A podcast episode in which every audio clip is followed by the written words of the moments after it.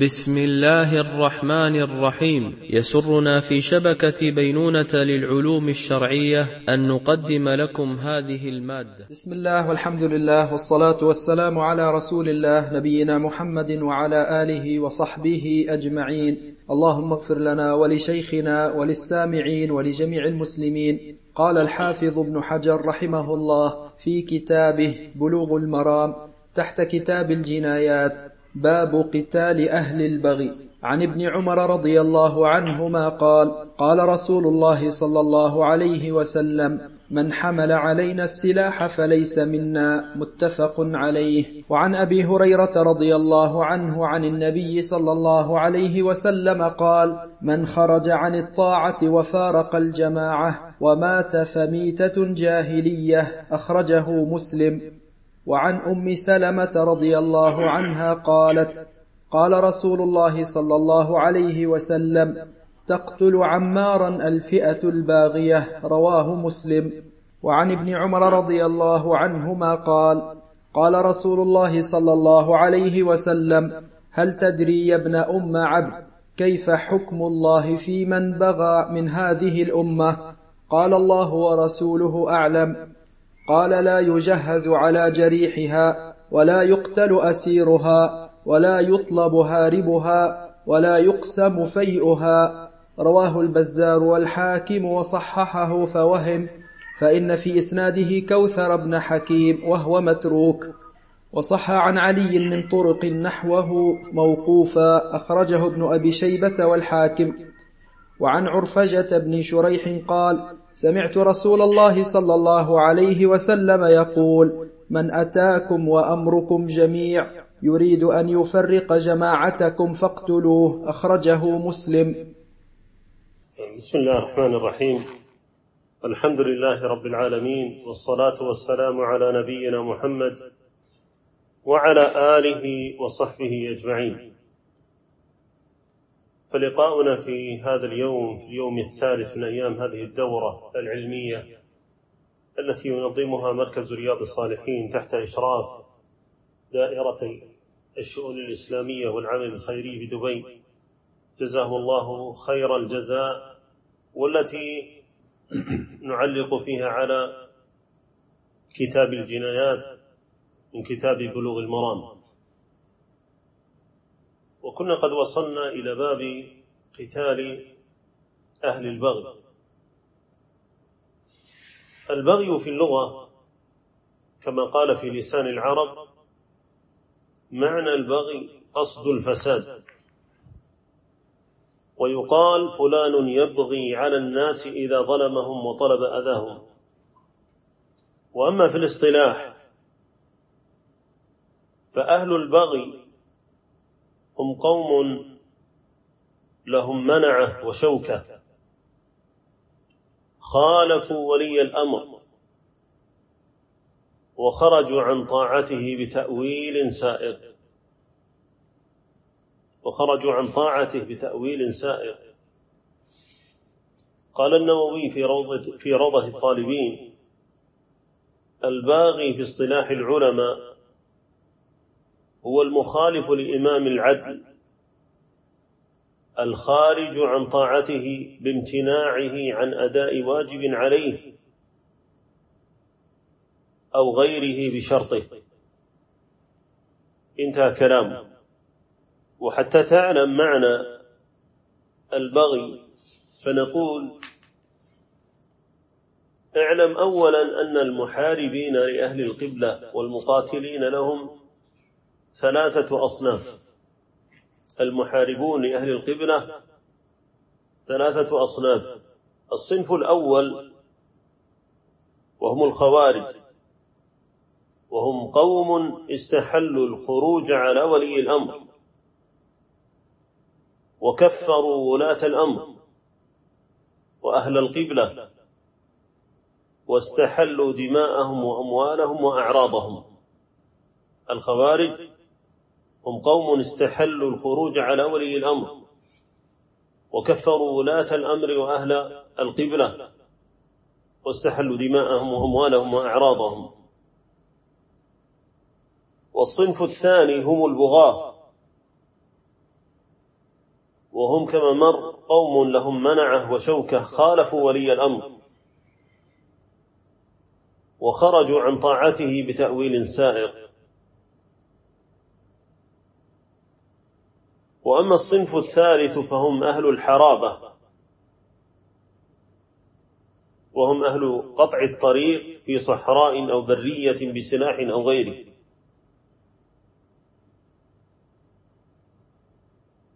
قال العمراني موضحا الفرق بين المحارب والسارق. وإذا أخذ المحارب المال ولم يقتل قطعت يده اليمنى من مفصل الكوع. ورجله اليسرى من مفصل القدم لقوله تعالى أو تقطع أيديهم وأرجلهم من خلاف. وهو قول ابن عباس ولا مخالف له. ولأن المحارب يساوي السارق في أخذ المال على وجه لا يمكن الاحتراز منه فساواه في قطع اليد. وزاد عليه في شهر السلاح وإخافة السبيل فغلظ عليه بقطع الرجل. وزاد عليه في شهر السلاح وإخافة السبيل فغلظ عليه بقطع الرجل. انتهى كلامه. فهذه ثلاثة أصناف. إذا عرفت الفرق بينها فاعلم أن ثم من خلط بين الخوارج والبغاة وساوى بينهم من كل وجه. وهذا خطأ ظاهر. ولذلك يحسن هنا التنبيه على الفروق بين الخوارج والبغاة. ثم سيأتي الكلام على بعض الأحكام المتعلقة بهم.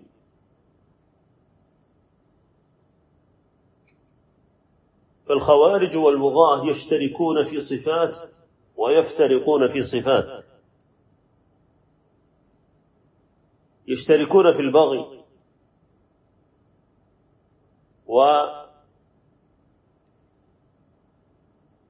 ووجود حمل السلاح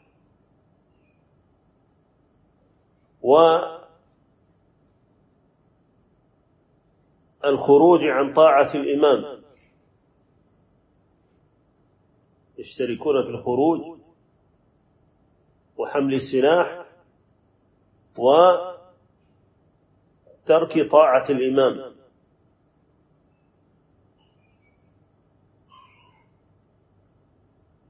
ومن الفروق الذي توضح لك المعنى المراد خمسة أشياء أو ستة أشياء.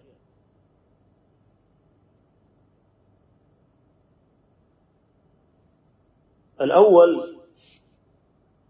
البغاة وافقوا الخوارج من جهة عدم دخولهم تحت طاعة ولي الأمر. ولكنهم فارقوا الخوارج من جهة أن لهم تأويلا سائغا.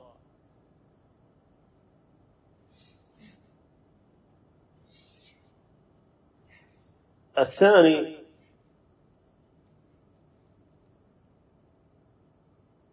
البغاة لا يستحلون دماء أهل القبلة. والخوارج يستحلون دماء أهل القبلة. فسفك الدم ليس مقصدا عندهم. الثالث البغاة لا يكفرون أهل القبلة. والخوارج يكفرون أهل القبلة.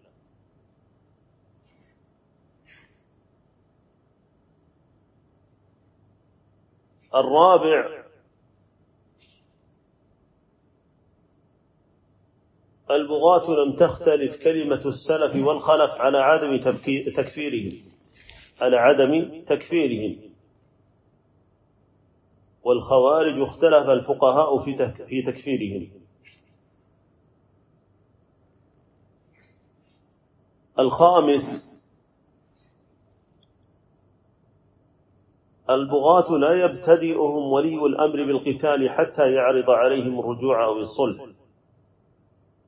البغاة لا يبتدئهم ولي الأمر بالقتال حتى يعرض عليهم الرجوع أو الصلح. والخوارج يبتدئهم ولي الأمر بالقتال. السادس البغاة لا يقصدون سفك دم ولي الأمر. والخوارج من أعظم أصول في أصولهم سفك ولي دم ولي الأمر. ولذلك أنت ترى هنا مع هذه الفروق فإن مع هذه الفروق فإن الشريعة قد رغبت في الإصلاح مع البغاة. ورغبت في القتال مع الخوارج. الشريعة رغبت في الإصلاح مع البغاة ورغبت في القتال مع الخوارج. قال الله تعالى وإن طائفتان من المؤمنين اقتتلوا فأصلحوا بينهما فإن بغت إحداهما على الأخرى فقاتلوا التي تبغي حتى تفيء إلى أمر الله. فإن فاءت فأصلحوا بينهما بالعدل وأقسطوا. إن الله يحب المقسطين. إنما المؤمنون إخوة فأصلحوا بين أخويكم واتقوا الله لعلكم ترحمون.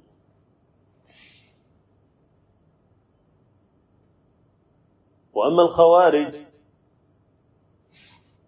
فقد رغبت الشريعة في قتالهم وحضت على ذلك. ورغبت فيه كثيرا. وقد ثبت عن النبي صلى الله عليه وسلم أنه قال سيخرج قوم في آخر الزمان حدثاء الأسنان سفهاء الأحلام يقولون من خير قول البرية لا يجاوز إيمانهم حناجرهم. يمرقون من الإسلام كما يمرق السهم من الرمية. فأينما لقيتموهم فاقتلوهم فإن في قتلهم أجرا لمن قتلهم يوم القيامة. الحديث متفق عليه. ولذلك علي رضي الله عنه لما قاتل الخوارج فقال والله إني لأرجو أن يكونوا هؤلاء القوم فإنهم قد سفكوا الدم الحرام وأغاروا في صرح في سرح الناس. فسيروا على اسم الله. وكذلك جاءت الأحاديث في قول النبي صلى الله عليه وآله وسلم لئن لقيتهم لأقتلنهم قتل عاد وثمود. إلى غير ذلك من الأحاديث التي رغبت في قتالهم. ولشيخ الإسلام ابن تيمية الشيخ تقي الدين رحمه الله تعالى كلام نفيس في بيان الفرق بين الخوارج والبغاة أسوقه لك بتمامه وطوله لأهميته فيقول رحمه الله تعالى أما قول القائل إن الأئمة اجتمعت على أن لا فرق بينهما إلا في الاسم يعني أن لا فرق بين الخوارج والبغاء قال فدعوى باطلة ومدعيها مجازف. فإن نفي الفرق إنما هو قول طائفة من أهل العلم من أصحاب أبي حنيفة والشافعي وأحمد وغيرهم. مثل كثير من المصنفين في قتال أهل البغي فإنهم قد يجعلون قتال أبي بكر لمانع الزكاة وقتال علي الخوارج وقتاله لأهل الجمل وصفين إلى غير ذلك من قتال المنتسبين إلى الإسلام من باب قتال أهل البغي ثم مع ذلك فهم متفقون على أن مثل طلحة والزبير ونحوهما من الصحابة من أهل العدالة لا يجوز أن يحكم عليهم بكفر ولا فسق بل مجتهدون إما مصيبون وإما مخطئون وذنوبهم مغفورة لهم ويطلقون القول بأنهم البغاة ليسوا فساقا بأن البغاة ليسوا فساقا ويطلقون القول بأن البغاة ليسوا فساقا. فإذا جعل هؤلاء وأولئك سواء لزم أن تكون الخوارج وسائر من قاتلهم من أهل الاجتهاد الباقين على العدالة سواء.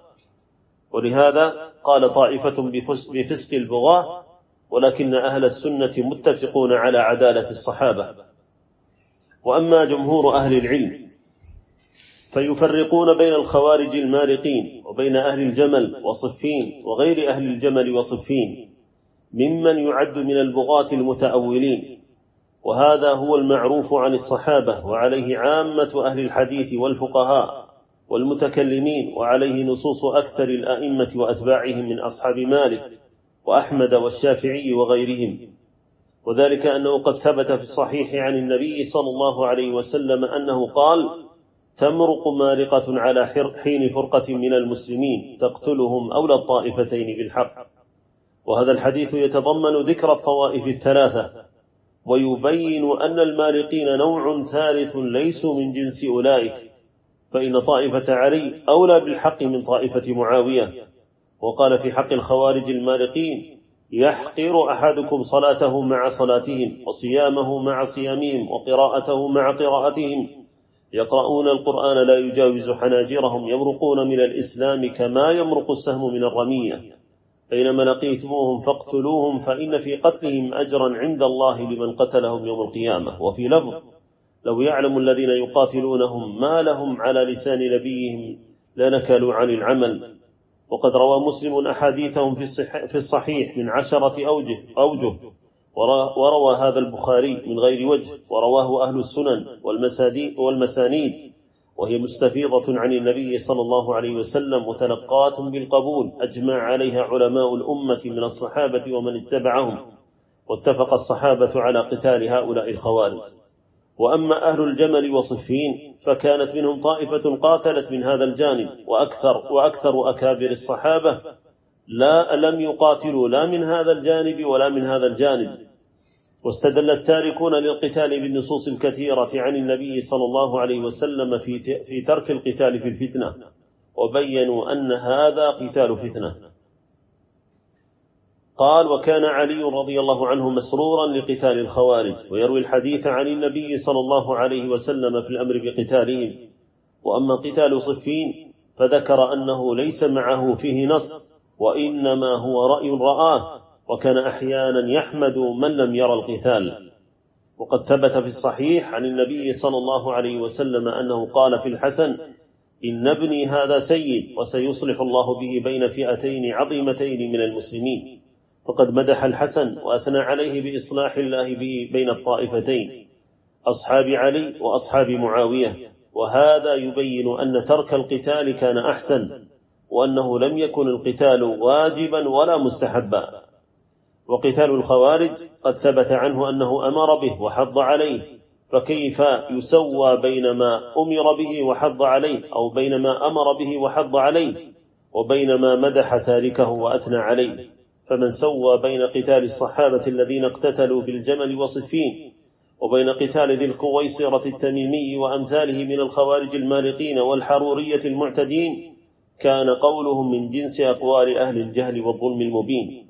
ولزم صاحب هذا القول أن يصير من جنس الرافضة والمعتزلة الذين يكفرون أو يفسقون المتقاتلين بالجمل وصفين كما يقال مثل ذلك بالخوارج المارقين فقد اختلف السلف والآئمة في كفرهم على قولين مشهورين مشهورين مع اتفاقهم على الثناء على الصحابة المقتتلين بالجمل وصفين والإمساك عما شجر بينهم.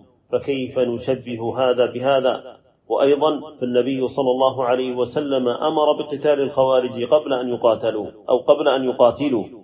وأما أهل البغي فإن الله تعالى قال فيهم وإن طائفتان من المؤمنين اقتتلوا فأصلحوا بينهما فإن بغت إحداهما على الأخرى فقاتلوا التي تبغي حتى تفيء إلى أمر الله فإن فاءت فأصلحوا بينهما بالعدل وأقسطوا إن الله يحب المقسطين. فلم يأمر بقتال الباغية ابتداء.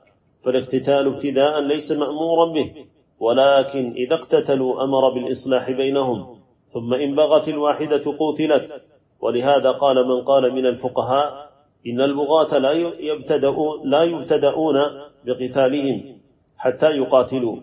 وأما الخوارج فقد قال النبي صلى الله عليه وسلم فيهم أينما لقيتموهم فاقتلوهم فإن في قتلهم أجرا عند الله لمن قتلهم يوم القيامة. وقال إن أدركتهم لأقتلنهم قتل عاد.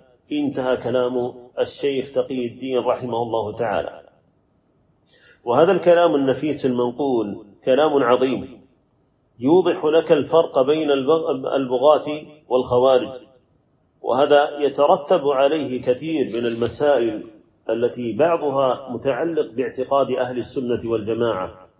وخصوصا فيما شجر بين أصحاب النبي صلى الله عليه وآله وسلم. وذلك كان الواجب هنا أن ينظر في أحوال هؤلاء وأحوال هؤلاء بحسب ما جاء به الكتاب والسنة. فيعامل هؤلاء بما جاء في الكتاب والسنة ويعامل هؤلاء بما جاء في الكتاب والسنة مع التفريق على الأصول التي عليها بنيت تلك المخالفات التي قد صدرت من كلا الطائفتين. ومن هذا المعنى قول النبي صلى الله عليه وسلم تقتل عمارا أو تقتل عمارا نعم الفئة الباغية. فسماهم بالفئة الباغية وقد كان فيهم من سادات الصحابة رضي الله عنهم وأفاضل هذه الأمة عليهم رضوان الله تعالى. فلا يحسن إلا التفريق بين كلا الطائفتين. مع توضيح معنى مهم ومعنى عظيم هنا. ومعنى أصيل. يجب أن يفهم وأن يعلم هذا المعنى وهو أنه يجب كما ثبتت في ذلك النصوص الصحاح عن رسول الله صلى الله عليه وسلم وما جاء به القرآن من لزوم جماعة المسلمين والسمع والطاعة لولي الأمر وعدم مخالفته والخروج عن طاعته. وذلك قد جاء في أحاديث كثيرة متواترة عن النبي صلى الله عليه وآله وسلم إما لفظا وإما معنى. قال الله تبارك وتعالى واعتصموا بحبل الله جميعا ولا تفرقوا. وقال تعالى يا أيها الذين آمنوا أطيعوا الله وأطيعوا الرسول وأولي الأمر منكم. فإن تنازعتم في شيء فردوه إلى الله وإلى الرسول إن كنتم تؤمنون بالله واليوم الآخر. وثبت عن النبي صلى الله عليه وآله وسلم كما في الحديث الصحيح سيكون بعدي هنات وهنات فمن رأيتموه فارق الجماعة أو يريد أن يفرق بين أمة محمد صلى الله عليه وسلم وأمرهم جميع فاقتلوه كائن من كان فإن يد الله مع الجماعة وإن الشيطان مع من فارق الجماعة يرتكب. وثبت عنه صلى الله عليه وآله وسلم في الحديث الصحيح أنه قال من فارق الجماعة قيد شب فقد خلق فقد خلع ربقة الإسلام من عنقه. وثبت عنه صلى الله عليه وآله وسلم أنه قال إن الله يرضى لكم ثلاثة أن تعبدوه ولا تشركوا به شيئا وأن تعتصموا بحبل الله جميعا ولا تفرقوا وأن تناصحوا من ولاه الله أمركم.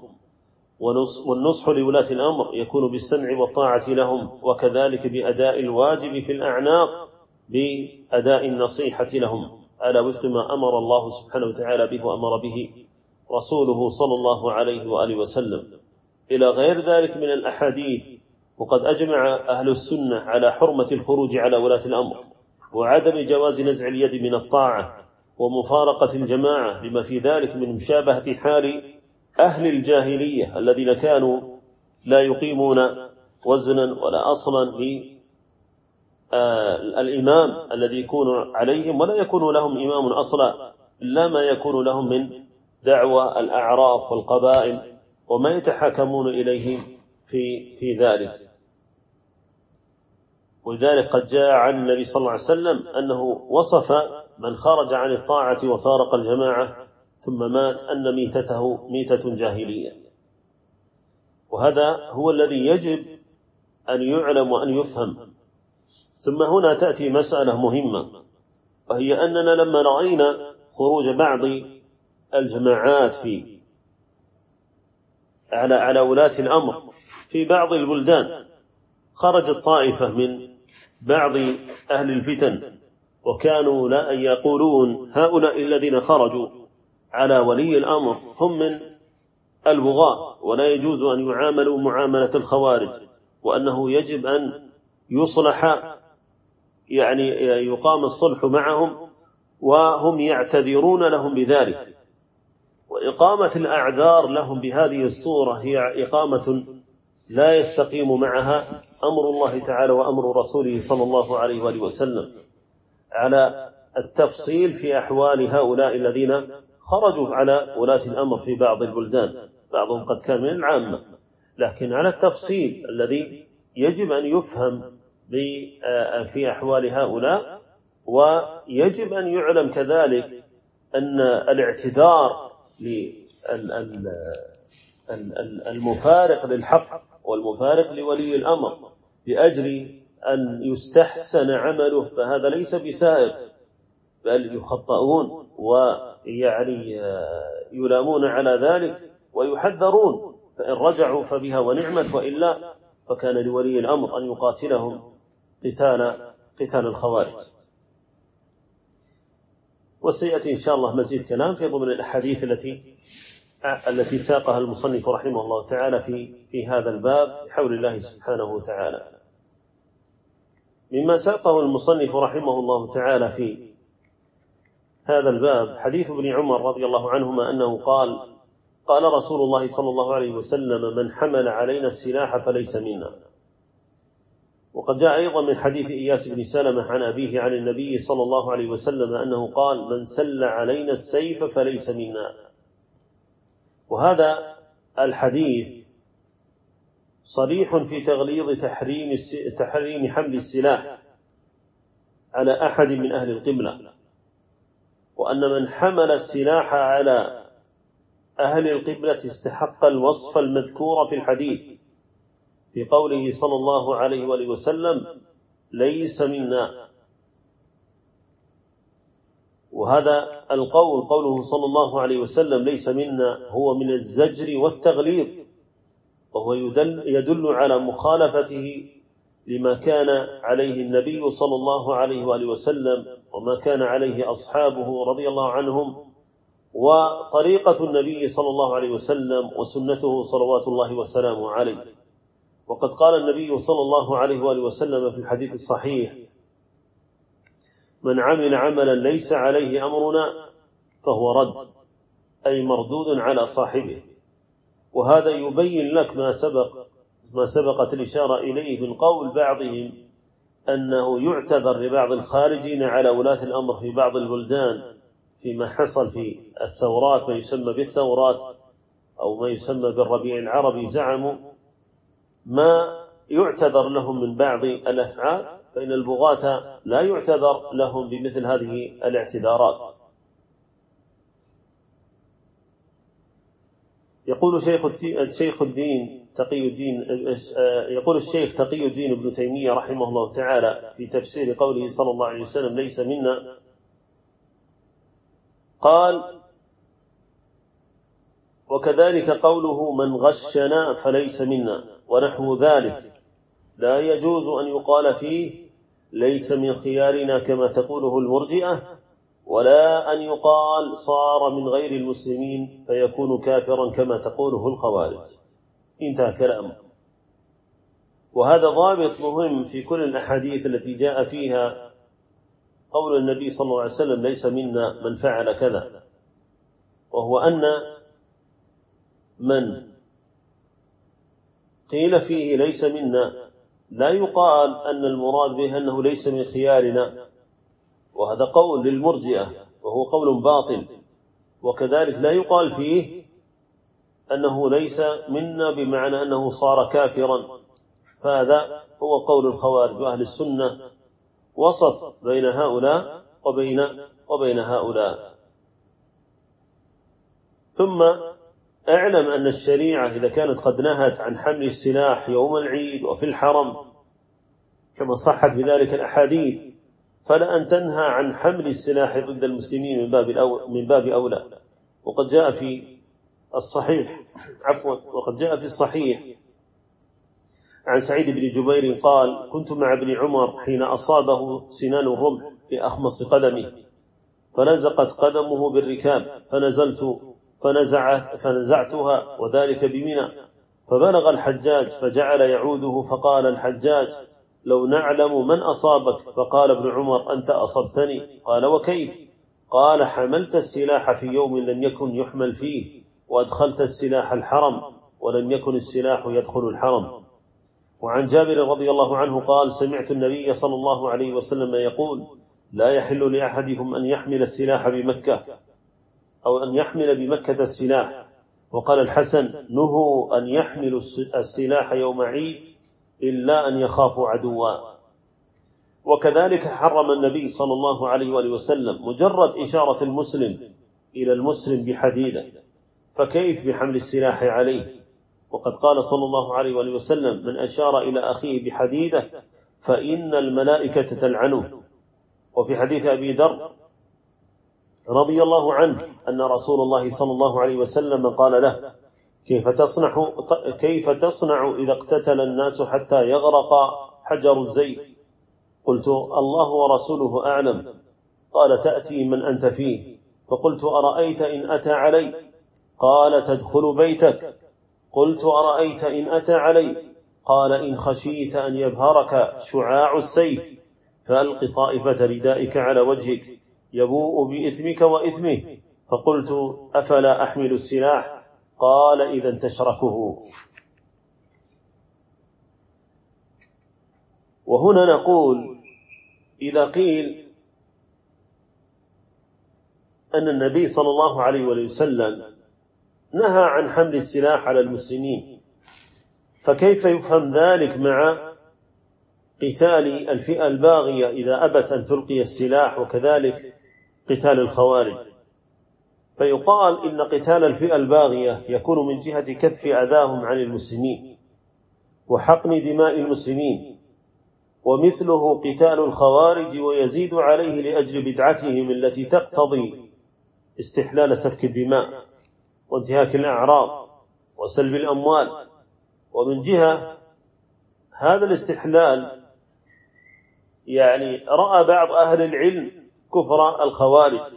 وقال بأن قتالهم يزيد على ما سبق لأجل أنهم مرتدون عن الإسلام. وهذا فيه بحث ليس هذا هو موضعه والله أعلم. ثم ساق حديث أبي هريرة رضي الله عنه عن النبي صلى الله عليه وسلم قال من خرج عن الطاعة وفارق الجماعة ومات فميتة جاهلية أخرجه مسلم.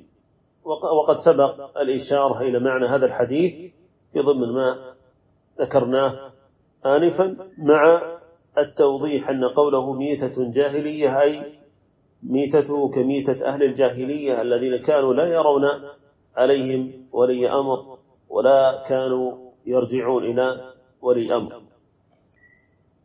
ثم ساق حديث أم سلمة رضي الله عنها أنها قالت قال رسول الله صلى الله عليه وسلم تقتل عمارا الفئة الباغية. رواه مسلم. يقول جاء في الصحيحين من حديث أبي سعيد الخدري رضي الله عنه أن النبي صلى الله عليه وسلم قال ويح عمار تقتله الفئة الباغية. يدعوهم إلى الجنة ويدعونه إلى النار. وجاء كذلك في حديث أبي سعيد الخدري رضي الله عنه قال قال رسول الله صلى الله عليه وسلم تمرق مارقة عند فرقة من المسلمين يقتلها أولى الطائفتين بالحق. وهنا فائدة مهمة وهي في قول النبي صلى الله عليه وآله وسلم أولى الطائفتين بالحق وهي على وزن أفعل وهي من صيغ التفضيل. وصيغ التفضيل أفعل التفضيل تفيد الاشتراك في بين شيء في شيئين أو معذرة تفيد اشتراك شيئين. تفيد اشتراك شيئين في تلك الصفة مع زيادة في أحدهما على الآخر فيها.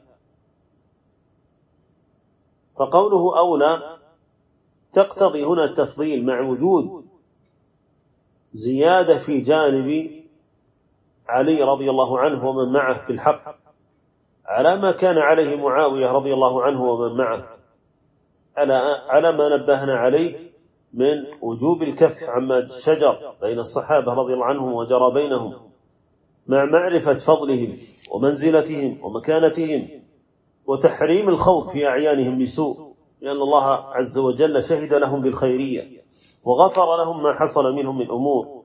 هي قطرة في بحار في بحار من الحسنات. لا يحصي قدرها إلا الله عز وجل. لذلك يقول عمر بن عبد العزيز تلك دماء كف الله يدي عنها وأنا أكره أن أغمس لساني فيها. ويقول ابن بطة العكبري نكف عما شجر بين أصحاب رسول الله صلى الله عليه وسلم. فقد شهدوا المشاهد معه وسبقوا الناس بالفضل فقد غفر الله لهم وأمرك بالاستغفار لهم والتقرب إليه بمحبتهم وفرض ذلك على لسان نبيه وهو يعلم ما سيكون منهم وأنهم سيقتتلون. وإنما فضلوا على سائر الخلق لأن الخطأ والعمد قد وضع عنهم وكل ما شجر بينهم مغفور لهم. قال الله تعالى عن المهاجرين للفقراء المهاجرين الذين أخرجوا من ديارهم وأموالهم يبتغون فضلا من الله ورضوانا وينصرون الله ورسوله أولئك هم الصادقون. وقال عن الأنصار والذين تبوأوا الدار والإيمان من قبلهم يحبون من هاجر إليهم ولا يجدون في صدورهم حاجة مما أوتوا ويؤثرون على أنفسهم ولو كان بهم خصاصة. وقال عن الذين جاءوا من بعدهم من المؤمنين والذين جاءوا من بعدهم يقولون ربنا اغفر لنا ولإخواننا الذين سبقونا بالإيمان ولا تجعل في قلوبنا غلا للذين آمنوا. ربنا إنك رؤوف رحيم. وقيل للإمام أحمد ما تقول في من زعم أنه مباح له أن يتكلم في مساوئ أصحاب رسول الله صلى الله عليه وسلم؟ فقال أبو عبد الله هذا كلام رديء يجانبون هؤلاء القوم ولا يجالسون ويبين أمرهم للناس. قال الحافظ ابن حجر في الفتح واتفق أهل السنة على وجوب منع الطعن على أحد من الصحابة بسبب ما وقع لهم من ذلك ولو عرف المحق منهم لأنهم لم يقاتلوا في تلك, في تلك الحروب إلا عن اجتهاد وقد عفى الله تعالى عن المخطئ في الاجتهاد بل ثبت أنه يؤجر أجرا واحدا وأن المصيب يؤجر أجرين. انتهى كلامه رحمه الله تعالى. ثم ذكر المصنف رحمه الله تعالى حديث ابن عمر رضي الله عنهما قال قال رسول الله صلى الله عليه وسلم هل تدري يا ابن أم عبد كيف حكم الله في من بغى من هذه الأمة؟ قال الله ورسوله أعلم. قال لا يجاز على جريحها ولا يقتل أسيرها ولا يطلب هاربها ولا يقسم فيئها رواه البزار والحاكم صححه فوهم. فإن في إسناده كوثر ابن حكيم وهو متروك. هذا الحديث لا يصح عن النبي صلى الله عليه وآله وسلم كما ذكر المصنف رحمه الله تعالى لأجل ما جاء في إسناده عن آه، في إسناده آه، عن كوثر بن حكيم وهو متروك عند عامة أهل الحديث. ثم ساق بعده أثر علي رضي الله عنه من طرق قال نحوه موقوفا. صح عن علي من طرق نحوه موقوفا أخرجه ابن أبي شيبة والحاكم وكذلك أخرجه البيهقي وغيره. وأثر علي رضي الله عنه قد جاء كما ذكر المصنف من عدة طرق وهو قد جاء بألفاظ متقاربة ومنها ما أخرجه البيهقي من طريق ابن أبي شيبة عن جعفر بن محمد عن أبيه قال أمر علي رضي الله عنه مناديه فنادى يوم البصرة لا يتبع مدبر ولا يذفف على جريح ولا يقتل أسير ومن أغلق بابه فهو آمن ومن ألقى سلاحه فهو آمن ولم يأخذ من متاعهم شيئا. وقوله يذفف يقال ذفف الجريح إذا أتم قتله. يقال ذففه وذفف له وذفف عليه. وعند البيهقي أيضا عن عبد خير قال سئل علي رضي الله عنه عن أهل الجمل. قال إخواننا بغوا علينا فقاتلناهم وقد فاءوا وقد قبلنا منهم. إلى غير ذلك من الآثار التي جاءت عن علي رضي الله عنه وكلها تدور على هذا على هذا المعنى. وهنا مسألة وهي أن أهل العلم قد اتفقوا على أن البغاة لا يبتدؤون أو المعذرة اتفقوا على أنهم إذا ابتدأوا القتال قتلوا. واتفقوا على أنه يستحب أن يدعوا إلى الرجوع قبل القتال. والخلاف بين أهل العلم فيما لو عزموا على القتال ولم يبدأوا. فيما لو عزموا على القتال ولم يبدأوا. هل يبتدأون بالقتال أو لا؟ والذي عليه جماهير الفقهاء من المالكية والشافعية والحنابلة وكذلك جمع من الحنفية أنه أن دعوتهم شرط قبل القتال. أن دعوتهم شرط قبل القتال. واستدلوا بقول الله تبارك وتعالى وإن طائفتان من المؤمنين اقتتلوا فأصلحوا بينهما. فإن بغت إحداهما على الأخرى فقاتلوا التي تبغي. فقدم الله سبحانه وتعالى الصلح على قتال الباغية من الطائفتين. وكذلك بما جاء عن علي رضي الله عنه فيما ذكرناه وأن علي رضي الله عنه يعني آه قد دعاهم إلى الصلح. وكذلك لأنه مع ترغيب النبي صلى الله عليه وسلم لقتال الخوارج وابتداء بالقتال أن علي رضي الله عنه رغبهم في الرجوع قبل قتالهم. وإن كان هذا في الخوارج قالوا فلا أن يكون في البغاة من باب الأولى لأن البغاة أخف من الخوارج.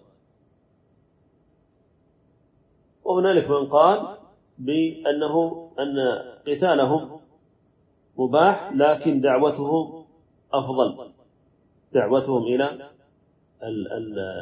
الصلح وترك القتال هو أكمل لكن يجوز قتالهم. وهذا قول آخر عند طائفة من الحنفية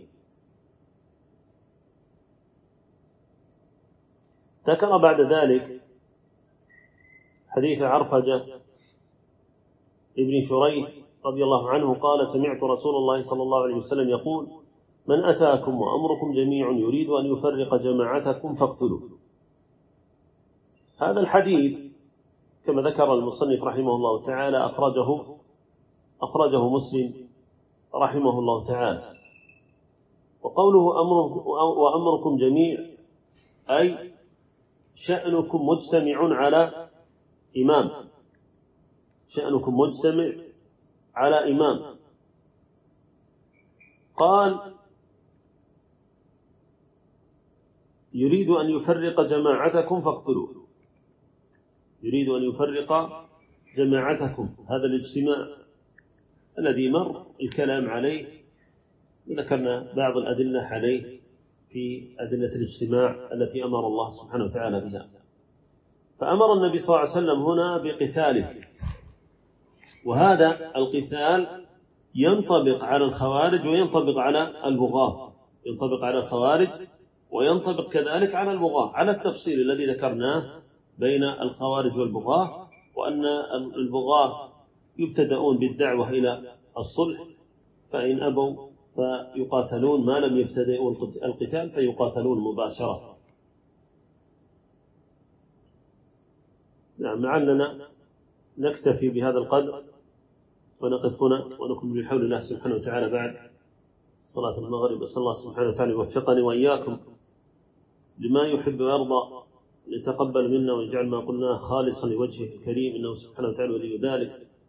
والله أعلى وأعلم. صلى الله وسلم على نبينا محمد وعلى آله وصحبه أجمعين.